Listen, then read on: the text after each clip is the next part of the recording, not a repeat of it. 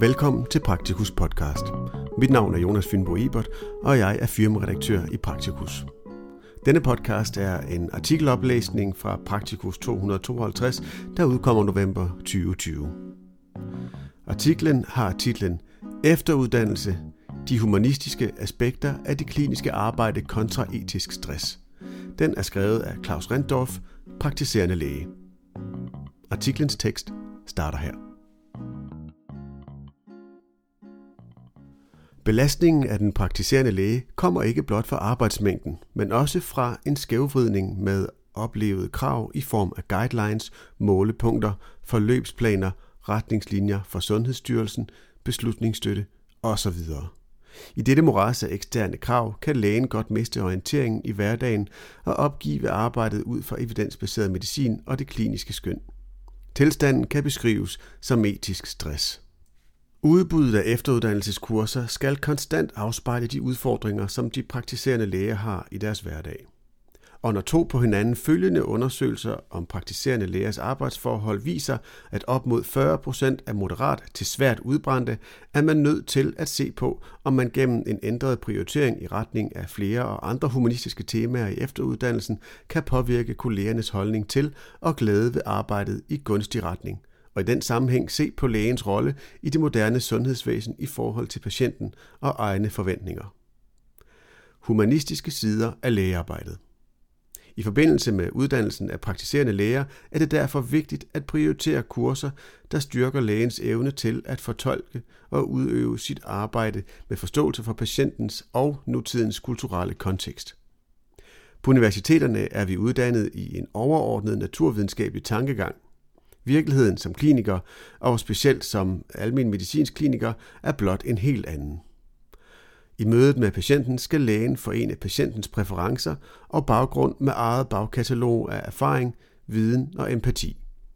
Konsultationen med patienten er grundlæggende en intuitiv proces og bygger på det såkaldte lægefaglige skøn. Det er altså en kalkuleret proces, hvor lægen forener viden fra humanvidenskaberne med forskningsmæssig viden. Her er det væsentlige redskab sproget og kendskab til patienten og dennes familie og baggrund. Behov for nye kurser. Når man ser på udbuddet af kurser for praktiserende læger, er søgningen til de mere redskabsorienterede fag dominerende. Lægerne vil gerne være gode til at få deres praktiske og faglige hverdag til at hænge sammen, samtidig med at de arbejder rationelt med et godt økonomisk afkast. Det er positivt, at efteruddannelsen uddanner fagligt dygtige og effektive læger.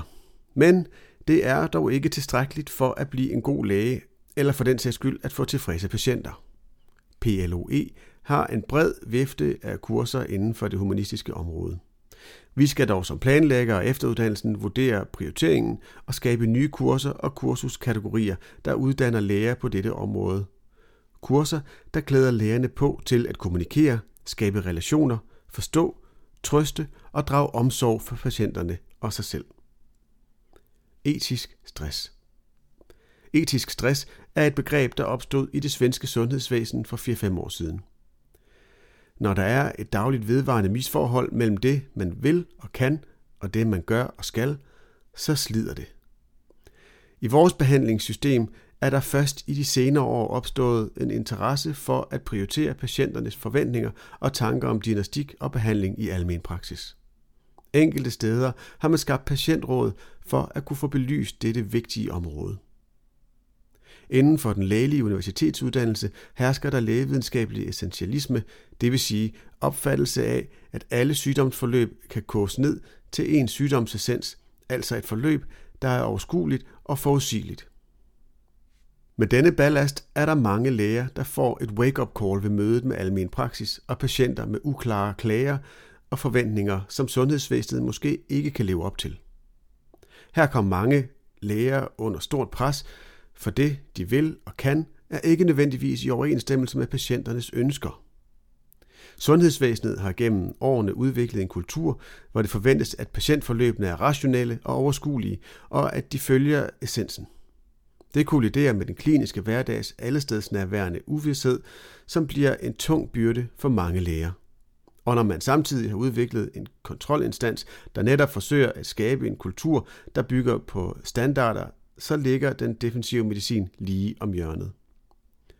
Humanisme og naturvidenskab. Vi kan ikke skille det humanistiske og sociale virke fra vores naturvidenskabelige baserede kliniske hverdag. Derfor er det vigtigt at se hele efteruddannelsesområdet under en humanvidenskabelig optik. Og vi skal indarbejde kommunikative og sociale værktøjer i det mere redskabsorienterede kurser, hvor det er muligt. Det skotske Realistic Medicine program gør netop opmærksom på, at patientens kultur, viden, baggrund og præferencer og lægens bagkatalog af erfaringer, kultur og viden om patienten sammen med den forskningsmæssige viden er nødvendig for udøvelsen af evidensbaseret medicin. Vigtige humanistiske temaer Ifølge Hippokrates hierarki af lægelige redskaber er ordet det vigtigste. Og det er videnskabeligt bevist, at the doctor as a drug nok er absolut det mest potente værktøj i sundhedssektoren. Så en yderligere styrkelse af kommunikationsuddannelsen af praktiserende læger med emner som den svære kommunikation, kommunikation med psykisk syge, styrkelse af læge-patientforholdet er væsentlige temaer. Netop kommunikation med patienter i krise, sorg og patienter med en anden opfattelse af situationen, personlighedsforstyrret, er væsentlige redskaber at magte.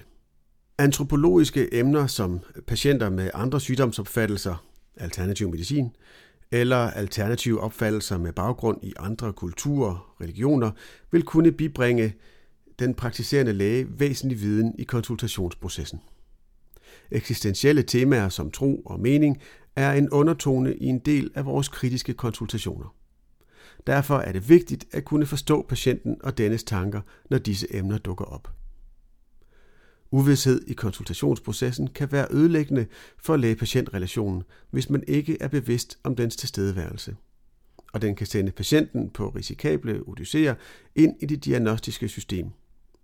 Defensiv medicin er en ubehagelig medspiller i vores hverdag, og hvis den dominerer, er den til alvorlig skade for vores patienter. Risikobegrebet og behandlingen af faktuelt raske patienter med en abstrakt sygdomsrisiko risikanter, kan hurtigt udvikle sig til et klinisk nemesis for lægestanden. Og det er almen praksis, der er adgang til sundhedssektoren for den voksne borgergruppe. Hvorledes forholder vi os etisk, diagnostisk og behandlingsmæssigt til raske borgere med en abstrakt, ikke eksisterende sygdom? Det er en videre vigtigt at holde sig for øje, at vi som læger i tiltagende grad arbejder i teams. Vi er en del af det kliniske kollektiv. Derfor er det relevant at udvikle etiske og kommunikative retningslinjer på klinikniveau med inddragelse af personalet i beslutningsprocesserne. Identitet og faglighed styrkes.